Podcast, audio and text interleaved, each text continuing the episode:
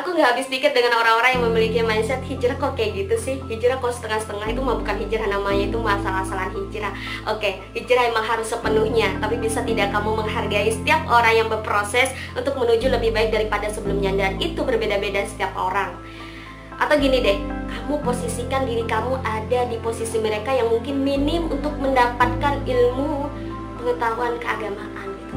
Mungkin dari lingkungan mungkin dari temennya atau bahkan dari keluarganya lalu tiba-tiba kamu datang niatnya untuk baik tapi dengan cara yang kurang baik. Contohnya dengan kalimat yang kasar menjudge atau segala macamnya gitu.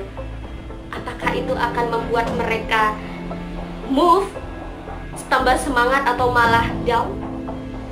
Mereka sakit hati. Bukan karena kebenaran yang kalian bawa tapi dari kalimat kasar yang kalian lontarkan itu. Jadi sakitnya hatinya itu